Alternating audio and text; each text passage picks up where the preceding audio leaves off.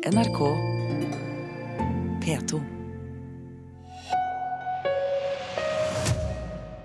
Velkommen til partilederutspørring, Audun Lysbakken. Tusen takk. En av de viktigste sakene for SV er en mer liberal asyl- og innvandringspolitikk. I fjor ga Norge opphold til rundt 7000 flyktninger og asylsøkere. Hvor mange flere vil dere ta imot? Vi kan ikke tallfeste det, for det er avgjørende for hvor mange flyktninger vi bør ta imot. Det er situasjonen ute i verden. Derfor så reagerer jeg veldig på de som vil eh, stramme inn, sette mål om at det skal være færrest mulig. For vår politikk den må avhenge av hva slags behov mennesker har. Det aller viktigste for oss er at vi ønsker en rausere politikk overfor barn. Vi har sørget for at flere asylbarn har fått bli i Norge. Vi gjorde endringer i lovverket i 2007. Mer enn 1000 barn og familien deres fikk bli i måneden etter det. Men vi må lenger, for nå er det igjen mange barn som har vært altfor lenge i Norge uten å få en avklaring om uh, sin framtid. Men hvis du tar utgangspunkt i verdenssituasjonen, så er det vel et umettelig behov eh, for å komme til Norge og få en trygg havn her?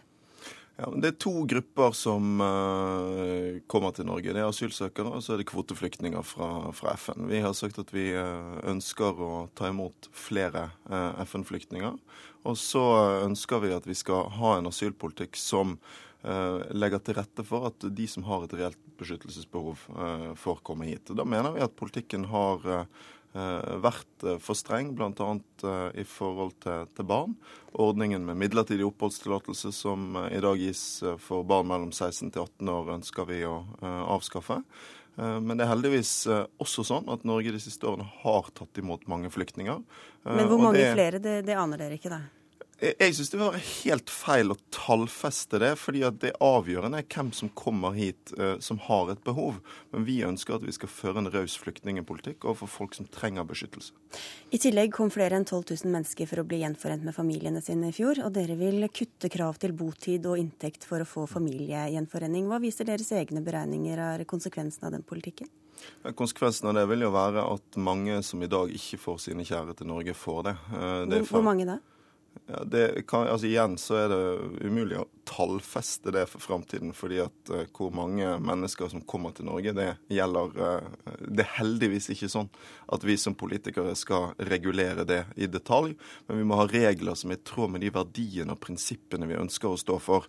Og da mener jeg det er feil at så mange nordmenn i dag opplever at de ikke får lov til å leve sammen med sine kjære. Det kan være flyktninger som har kommet hit og som søker om familiegjenforening, men det gjelder jo også ofte nordmenn som har f.eks. giftet seg med en utlending, og som så opplever at de ikke får lov til å leve sammen i sitt eget land. Det syns jeg er helt feil. Men har dere ingen anelse om hvor mange flere som kan komme til å få opphold i Norge med deres politikk? Ja, men vi eh, har ikke tallfestet hvor mange mennesker som skal få komme til Norge, fordi vi styrer etter prinsipper. Eh, dette vil jo ikke være snakk om vanvittige mengder mennesker. Det vil være snakk om en del mennesker som i dag må vente lenge, som til slutt gjerne får opphold i Norge fordi de klarer å eh, passere den grensen for, eh, for hvor stor inntekt du må ha, f.eks men flere vil kunne få bo sammen raskere. Det mener jeg er riktig. Denne politikken skal være styrt av verdier og prinsipper, ikke av bunnlinje. Dagsnytt forteller i dag at regjeringa bruker nesten 7 milliarder kroner årlig på introduksjonsprogrammet som skal få flyktninger ut i jobb eller utdanning. Eh, selv om støtten har økt betraktelig de siste årene, har andelen som er kommet ut i utdanning eller jobb, sunket litt. Hvor god pengebruk syns du dette er? Jeg mener Det er god pengebruk å satse på introduksjonsprogrammet, men det betyr ikke at ikke det kan bli bedre. Men det er en stor, stor forskjell fra sånn som situasjonen var før vi fikk programmet. Da hadde vi ikke en like aktiv integreringspolitikk overfor mennesker som kom hit som, eh, som flyktninger. Det betydde at uh, sjansen for å få de over i arbeid var mye mindre. Når vi ser på den økte pengebruken, så skyldes jo en del av det ganske enkelt at det er flere enn noen gang som er inne i programmet. Uh, så er jeg enig i at resultatene ikke er gode nok. Men hvis du ser på hva slags grupper flyktninger som har kommet til Norge de siste årene, så er det mange fra land som har vært ødelagt av krig, som ikke har fungerende skolesystemer. Veldig mange av disse må ta grunnskoleutdanning helt fra begynnelsen av. Og da sier det seg sjøl at det er ikke alle som er i arbeid etter eh, tre år. Men hvorfor har dere ikke da mer spesialsydd og treffsikre tiltak eh, rettet mot dem, når vi bruker så mye penger på det? Ja, altså For det første så fungerer introduksjonsprogrammet ganske bra. Altså Med utgangspunkt i hvem som kommer til Norge, så er altså uh, faktum at mer enn halvparten av de som går gjennom programmet, er i arbeid etter tre år. I en del kommuner er det mye bedre. Det er på den ene siden bra, men samtidig viser variasjonen mellom kommunene nettopp det du spør om, at det er mulig å gjøre programmet bedre, sånn at resultatene også blir bedre. Det handler bl.a. om å ha egne opplegg fordi det er veldig ulike mennesker. Noen har høy utdanning, eh, andre analfabeter. og Vi må nok spesialisere mer inn mot uh, hver enkelt. Dette tiltaket er jo altså for dem som får bli, men mange søker asyl uten å få det. En del av dem sendes ut av landet med tvang. Dere skriver i programmet deres at politi, utlendingsforvaltning og ambassader gis en oppfølgingsplikt ved tvangsretur. Hva mener dere med det? Det betyr at vi bør forsøke å kartlegge hva som skjer med mennesker som tvangsreturneres fra Norge, fordi vi i dag vet altfor lite om konsekvensene av den politikken. og Det betyr også at vi vet for lite om i hvilken grad vi tar de riktige beslutningene. Men dette er altså snakk om 3000 mennesker eh, årlig? Jo, men er det sånn at vi eh, sender folk bare, tilbake Bare i år? altså. Ja, men er det sånn at vi sender folk tilbake til forfølgelse, eller er det ikke det? Det syns jeg er viktig eh, å vite, for det er en viktig pekepinn på om den asylpolitikken vi fører, riktig riktig. Men dette Derfor er jo så... mennesker som norske myndigheter har bestemt at ikke trenger, eh, ikke har krav på beskyttelse i Norge fordi de ikke er forfulgt. Stoler du ikke på de vurderingene, da? Det er riktig, men det viser seg iblant at mennesker som vi i Norge tror ikke er forfulgt, likevel er det. Derfor så mener jeg at vi i større grad enn vi gjør i dag, burde undersøke hvordan det går med en del av de som sendes ut. Fordi det vil gi oss en viktig pekepinn på om vår politikk er rett. Og det, det, er et utrolig viktig ansvar, for det er ikke så lett å sitte i Norge og gjøre riktige vurderinger av sånne saker, selv om vi har et godt apparat for det. Derfor så burde vi også forsikre oss i større grad om at vi ikke sender mennesker tilbake til fare. Men hvor mye ressurser skal vi bruke på det å følge dem i, når de kommer tilbake til hjemlandet, og hvor lenge skal vi ha et ansvar for mennesker som norske myndigheter mener at vi Eh, at ikke har krav på beskyttelse? Altså, vi bruker allerede ganske mye ressurser uh, i dag på å kartlegge situasjonen i ulike land der det kommer flyktninger fra. Dette kan være en del av det arbeidet. Jeg tror det er mulig uten at det vil koste veldig mye penger. Men det er nødvendig for å sikre oss at vi faktisk fører en rettferdig og eh, sikker politikk overfor mennesker i nød. Asyl er en av kjernesakene deres, men den saken dere løfter høyest i denne valgkampen, er klima og miljø. Dere går til valg på at ingen nye områder skal åpnes for oljeboring i Norge. Vi skal høre hva statsminister Jens Stoltenberg sa om det da han var her i utspørring på mandag. Så Jeg respekterer at SV har det standpunktet, øh, men det har ikke vært regjeringens politikk. Vi har ment at vi skal kunne ha en skrittvis og forsiktig utbygging på norsk sokkel. Så det er uaktuelt for Arbeiderpartiet å gå med på? Så denne regjeringen har stått for en annen politikk, og det er også Arbeiderpartiets eh, holdning. Audun Lysbakken, du hører Stoltenberg her, og dere har sittet sammen eh, i regjering. Dere har regjert sammen i åtte år. Hva tror du er sannsynligheten for at SV skal oppfylle dette valgløftet? Jeg tror sannsynligheten for det er ganske stor, fordi vi har i løpet av årene som har gått, eh, vunnet viktige dragkamper om sårbare områder. SV har hindret at oljeindustrien har eh, kommet til i Lofoten, Vesterålen og Senja f.eks., men også andre viktige områder som Mørebankene, eh, Jan Mayen. Eh, nå vil vi i årene som kommer få et stort veivalg. Skal vi delta videre i oljekappløpet mot Nordpolen? Skal vi åpne områdene oppunder iskanten, Skagerrak for den saks skyld?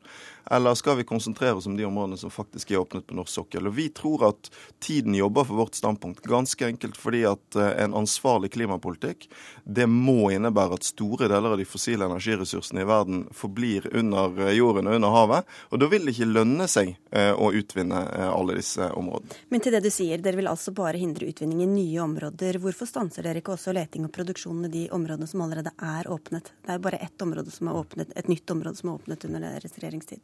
Det aller viktigste vi kan gjøre, eh, og som min generasjon politikere må sørge for, det er å være ansvarlig overfor de som kommer etter oss. Og da er ansvarlighet overfor klimaet enda viktigere enn det som pleier å være det store trumfkortet i norsk politikk, økonomisk ansvarlighet. Vi må være begge deler. Og da, eh, da betyr det at vi må holde oss innenfor togradersmålet. Det vi har foreslått, er at vi i tillegg til dagens økonomiske handlingsregel skal ha en klimahandlingsregel som sier at vi må føre en oljepolitikk som er sånn at hvis alle land hadde gjort det samme som Norge, så når vi togradersmålet og unngår katastrofal global oppvarming. Og det betyr at vi kan utvinne en del olje og gass i Norge, men vi kan ikke åpne nye områder.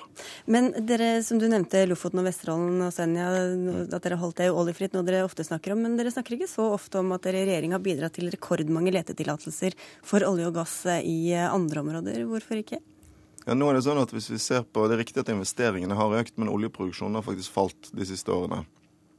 Og eh, Hovedbildet er altså at vi Eh, med den politikken vi foreslår, den klimahandlingsregelen vi foreslår, og det å slutte å eh, åpne nye områder, så kan vi ha en oljepolitikk som er innenfor togradersmålet. Det betyr ikke at alle uh, tillatelser som er gitt de siste årene, har vært fornuftige.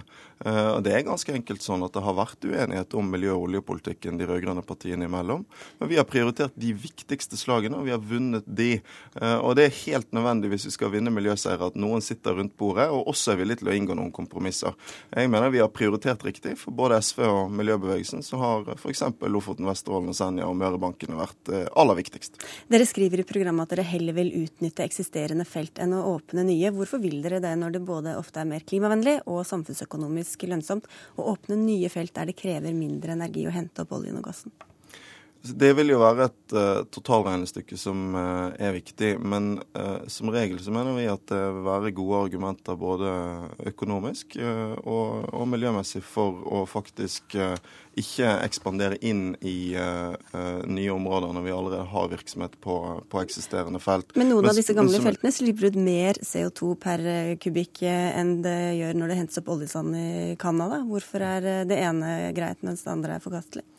Men det vi hele tiden må uh, føre en politikk for, er jo teknologisk forbedring og sørge for å få utslippene ned på, på norske felt. Og vi må selvfølgelig vurdere også uh, hva slags olje vi tar opp. Men det avgjørende for oss det er altså ikke hvert enkelt felt, men den samlede oljepolitikken. Vi må legge en klimahandlingsregel til grunn som sørger for at vi fører politikk som er innenfor togradersmålet. Det betyr både å begynne nå nedtrappingen av oljeutvinningstempoet i Norge. Og Det betyr også at Norge ikke burde investere i tjæresand og skifergass uh, okay. i utlandet. Et ja-nei-spørsmål på slutten her. Bør nordmenn flest kunne gå ned i levestandard fra dagens nivå hvis det bidrar til å få ned klimagassutslippene? Altså, jeg er ikke sikker på om den problemstillingen er så eh, enkel som det. Fordi målet vårt er å skape et lavutslippssamfunn som er eh, et bedre samfunn å leve i. Det er ikke sånn at... Det er jo en problemstilling om vi også hver person skal ta sitt, eh, sin del av ansvaret ved å kunne forbruke litt mindre, f.eks. Ja, og det, det, vil vi selvfølgelig. Uh, vi vil ikke ha en, uh, en uh, tvang til uhemmet vekst i materielt forbruk. Jeg tror vi må ha mer av veksten i form av fritid, i form av tjenester i framtiden. Men det er viktig å huske på at lavutslippssamfunn er ikke et samfunn med færre arbeidsplasser der det er dårligere å leve. Lavutslippssamfunn er et samfunn med nye muligheter for Norge. Med nye hus og nye biler og nye arbeidsplasser. Dere vil altså kutte olje- og gassproduksjonen samtidig som dere har mange dyre tiltak og løfter i programmet programmet deres. Ehm, vi skal ta noen kjappe spørsmål om skatt og næringsliv. Synes SV det er viktig å holde seg innenfor handlingsregelen? Ja, Vi mener det er fornuftig så lenge handlingsregelen praktiseres på en fleksibel måte, sånn som vi har gjort de siste årene, som betyr at vi kan bruke noe mindre penger i gode tider og mer penger i krisetider. Så gir den et, et godt nivå for hva vi kan bruke. Ja, Men ikke hellig? Altså, Vi var mot handlingsregelen den gangen den kom fordi vi mente at den lå an til å bli veldig rigid. Men det har ikke han blitt. Sånn som vi har praktisert den de siste årene, så er vi for. Ok. Eh, dere åpner for å øke skattenivået i Norge. Hvem skal betale mer i skatt? Det skal bankene og finansnæringen gjøre, fordi de i dag uh, har uh, Ingen enkeltpersoner? Nei, vi ønsker å ha et uendret skattenivå for folk flest. Så ønsker, vi at, så ønsker vi at de som er rikest, skal betale mer i skatt. De som har minst, skal betale mindre. Hva er det rikeste? Men, da er det de som tjener over 700 000? Nei, jeg mener f.eks. at det er potensialet for uh, at man kan betale mer i utbytteskatt, mer i formuesskatt for de som har de store utbyttene og formuene, og også noe på de aller høyeste inntektene. Men så har vi foreslått at vi skal øke det samlede skattenivået gjennom å pålegge bank- og finansnæringen en uh, skatt, en aktivitetsskatt. Det er økonomisk fornuftig for den uh, sektoren ikke skal blåse for mye opp. Og så ønsker vi å bruke de pengene på flere lærere, bedre barnehager ja, ja, ja. Det var kjappe spørsmål og svar. Skulle prøve på her. Da. Dere vil øke alkoholavgiftene. Hvor mye dyrere bør det bli å kjøpe en pils på butikken? Altså, vi eh, ønsker at vi skal ha en alkoholpolitikk som, eh, som fører til eh, et lavest mulig hva, hva er det svar på? ja, altså det vil si at Vi kommer til i framtidige budsjetter å gå inn for enkelte avgiftsøkninger på alkohol. Vi har ikke tallfestet det i programmet. Vil SV at staten skal kjøpe seg opp igjen i selskaper som Telenor og Statoil?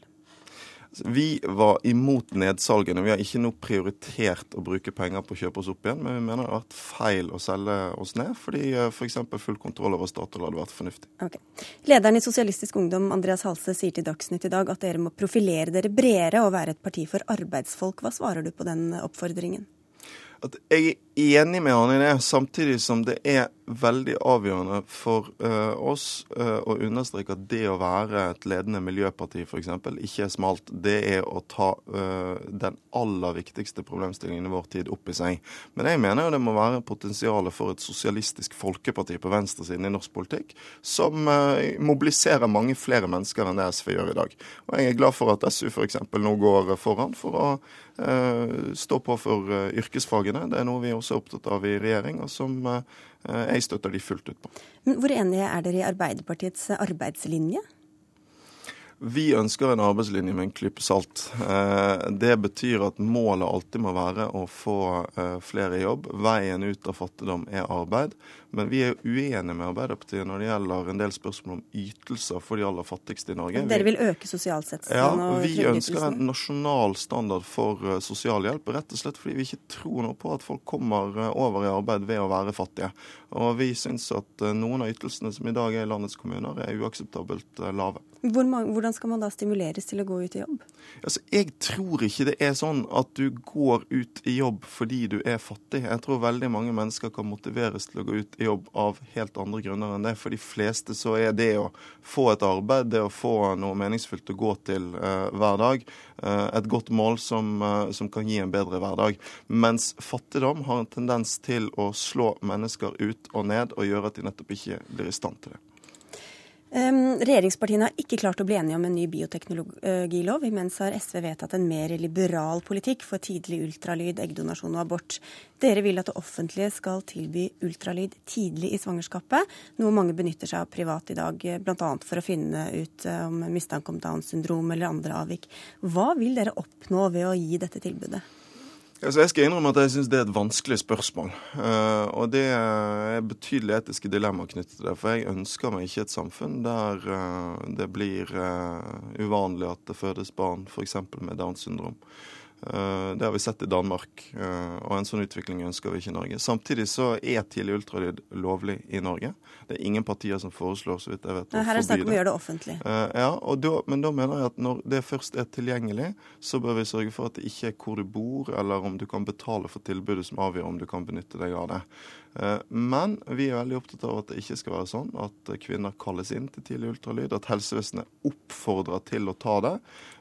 Og vi har stilt klare betingelser betingelser for å gå med på tidlig ultralyd, nemlig at det skal bli et bedre oppfølging i helsevesenet av de som uh, har et uh, foster og ønsker å bære fram uh, et barn som har uh, f.eks. utviklingshemming eller alvorlige funksjonshemming. Men hvorfor skal du prioritere å bruke penger på det når, når, det ikke har noen spesiell helsemessig gevinst for foster eller en gravide å ta det så tidlig? Altså, noen mener jo at det kan ha det i forhold til å avsløre en del, en del lidelser som kan være alvorlige for barn eller mor. Uh, Nasjonalt det, kunnskapssenter for helsetjenesten fant ingen dokumentasjon for at dette hadde en uh, gevinst. Nei, jeg har sett at det er en diskusjon. Det, men, men, det avgjørende for oss er at når vi først har gjort dette tilgjengelig i Norge uh, og det, den, den, diskusjonen blir litt merkelig noen ganger, for det høres ut som dette nå er forbudt, og så skal det gjøres lovlig. Men det er tilgjengelig. Men det er ikke likt tilgjengelig for alle kvinner. Det ønsker vi at det skal være, det mener vi er prinsipielt riktig. Samtidig så ønsker vi at staten ikke skal spille en rolle som oppfordrer til det, fordi vi må uh, gi uh, norske familier det klare signal at barn med funksjonshemminger, barn med utviklingshemming, skal være svært velkommen og ønsket i Norge. Dette er altså i tillegg til at dere vil gi eggdonasjon og utvide abortgrensen til selvbestemt abort til 16 uker. Hvor er det blitt av den gamle SV som hadde en restriktiv linje i disse spørsmålene? Altså, vi er forsiktige når det gjelder bioteknologi. Men vi må balansere likestillingshensyn og, eh, og, en forsiktighet i omgangen med ny teknologi. Men ofte så kan altså de etiske dilemmaene ved ikke å ta teknologien i bruk være like stor. Når det gjelder eggdonasjon, så mener jeg at uh, dilemmaene ved det er vesentlig mindre enn ved tidlig ultralyd. Audun Lysbakken, eh, takk skal du ha for at du kom til eh, denne utspørringen. Du skal få en sjanse til å skaffe deg noen eh, nye velgere ettersom dere sliter på målingene. Når du nå møter lyttere og lesere på nrk.no, hvor denne sendingen også kan ses og høres når det måtte passe. Den går også i reprise på NRK1 ti over tolv i ettermiddag og i nedklippet versjon på P1 før klokka ni. Takk skal du ha, Audun Lysbakken. Tusen takk. Og fredag er vi tilbake. Da er det Kristelig Folkepartis Knut Arild Hareide som kommer. Tekniker for sendinga i dag var Guri Hertzberg Finnsveen. Vaktsjef er Karoline Rugeldal. Og jeg heter Sigrid Solund. Hør flere podkaster på nrk.no podkast.